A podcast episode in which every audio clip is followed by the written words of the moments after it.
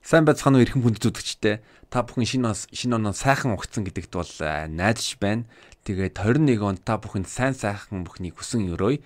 А мөн бас анхны удаа золоо шоуыг үзэж байгаа хүмүүст бол золоо ньюс гэдэг контент бол Азийн хамгийн сонирхолтой 7 хоногийн мэдээг бол тоомлж байгаа. Тэгээ ягаа Азив гэвэл 2030 онд дэлхийн дундаж давхархын дийлэн хүмүүс Азад байна. Тийм болохоор хамтдаа ирээдүлөө явцгаая.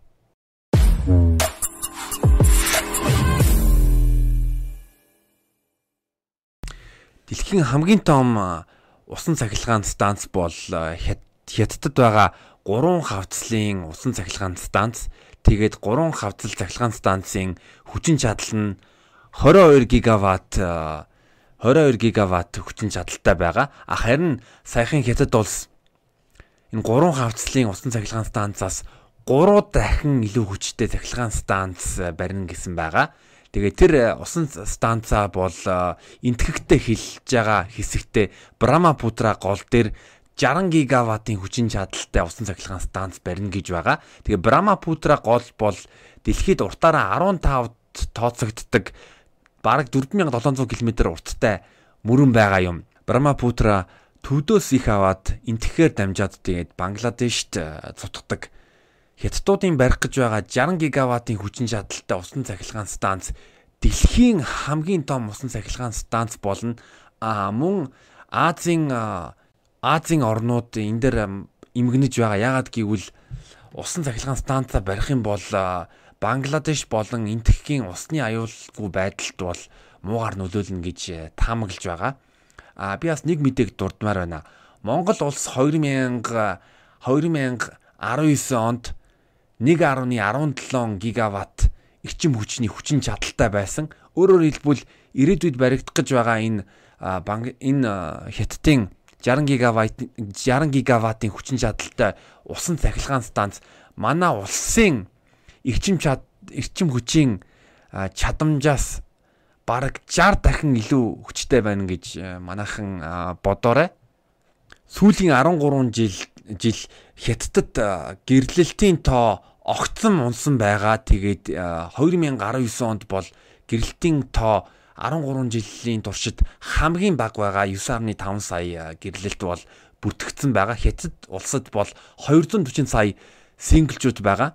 Ганц бие хүмүүс.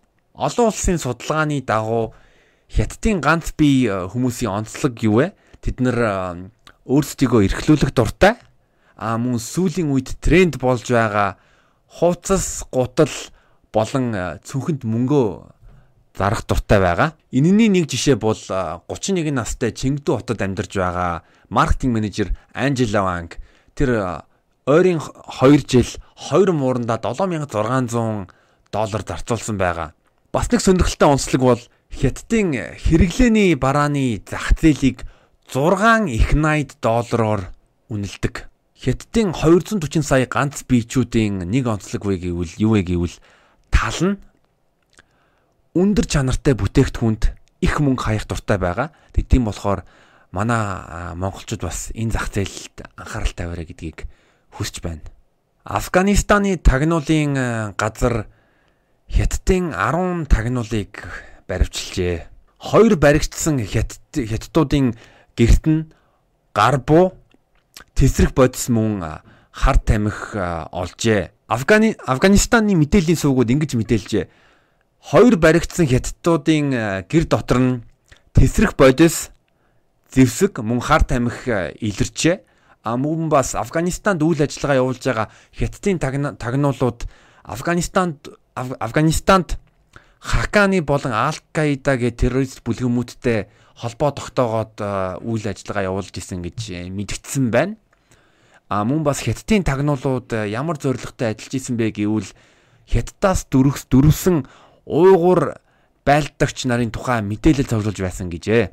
Афганистан улс ойрын 20 жил террористуудын өв гэж нэрлэгдэж нэрлэгдэж байгаа. Харин террористуудын өвд хятадууд террорист үйл ажиллагаа явуулж байгаа гэж та нар ингээ боддоо.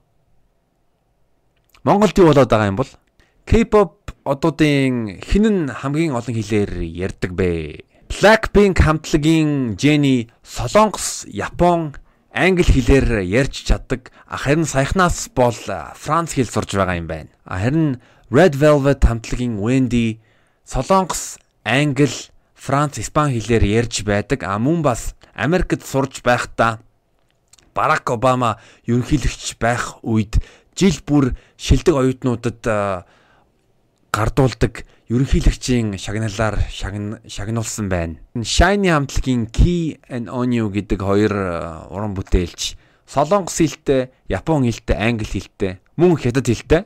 Миний асуух асуулт юу вэ гэвэл манай Монгол попууд ер нь ямар хэлээр ярьдаг вэ? Одоо манай дийлэнх попууд бол монголоор ярьдаг, зарим нь бас уус хэлтэй байдаг аа. 12 сарын 22-нд Казахстан улс хүмүүнлэгийн тусламжаар Тажикистан руу 100 ширхэг э, дотооддоо үйлдвэрлэсэн амьсгалын аппарат явуулжээ. Казахстаны амьсгалын аппарат үйлдвэрлэдэг Тунус э, үйлдвэр сар бүр 500 ширхэг э, амьсгалын аппарат үйлдвэрлэх хүчин чадалтай байгаа. Тэгээ нэг ширхэг аппаратны үнэ нь бол дунджаар 1800 орчим доллар байдаг байгаа. Казахстаны үйлдвэрлэсэн амьсгалын аппаратыг бол механик амьсгалын аппарат гэж нэрлэдэг. Тэгээ мөн бас төрөгний машинд мөн бас гэртээ суйрлуулж болдог юм байна. Цар тахал эхэлснээс хойш Казахстан улс, Кыргызстан, Тажикистан, Узбекистан, Афганистан гэх орнуудад хүмүүнлэгийн тусламж өгж эхэлсэн. Одоо эдний нэг хоёр жишээ та бүхэнд танилцуулах болно. Энэний нэг жишээ бол 11 сард Казахстан, Кыргызстан улсад бараг 1 сая орчим долларын тусламж илгээсэн. А тэрэнд нь 2 сая ширхэг амны хаалт а тэгээд 400 ширхэг амьсгалын аппарат хандуулсан байгаа. Харин өнгөрсөн оны 4 сард Казахстан улс Тажикистан улсад 3 сая долларын үнэтэй гурил өгсөн байгаа. Цар тахлын үед томоохон гүрнүүд өөрсдийнхөө эрх мэдэл нөлөөллөө тэлдэг.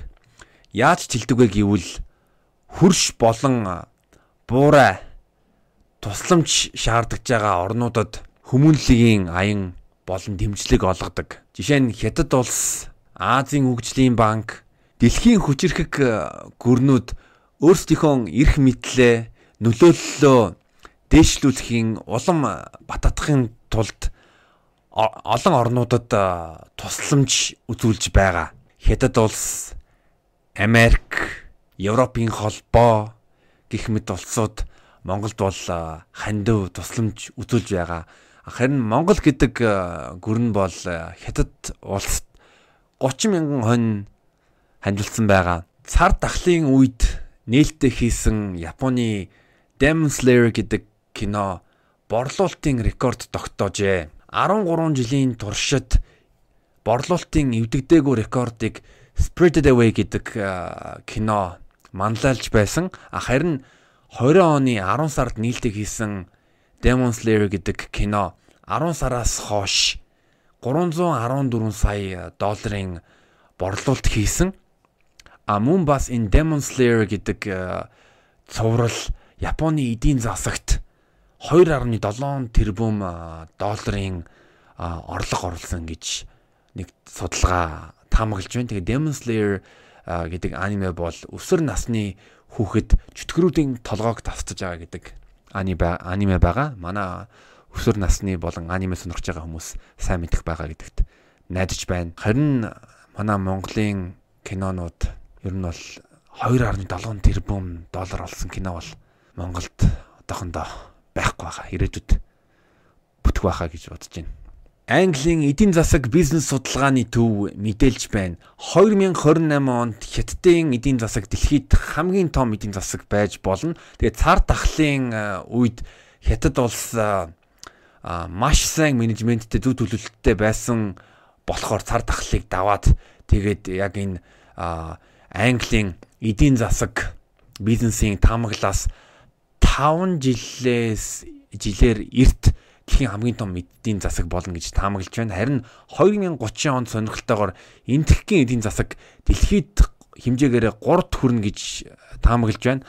Харин 2030 онд Улаанбаатарт метро баригдана. За энэ 7 хоногийн мэдээ хүлээж авсан та бүхэндээ маш их баярлалаа. Хэрвээ энэ контент таалагдж байгаа бол лайк дараарай, subscribe дараарай, шеэрлээрэй, тэгээ комент бичээрэй. Тэгээ дараагийн 7 хоногт уулзъя. Баярлалаа.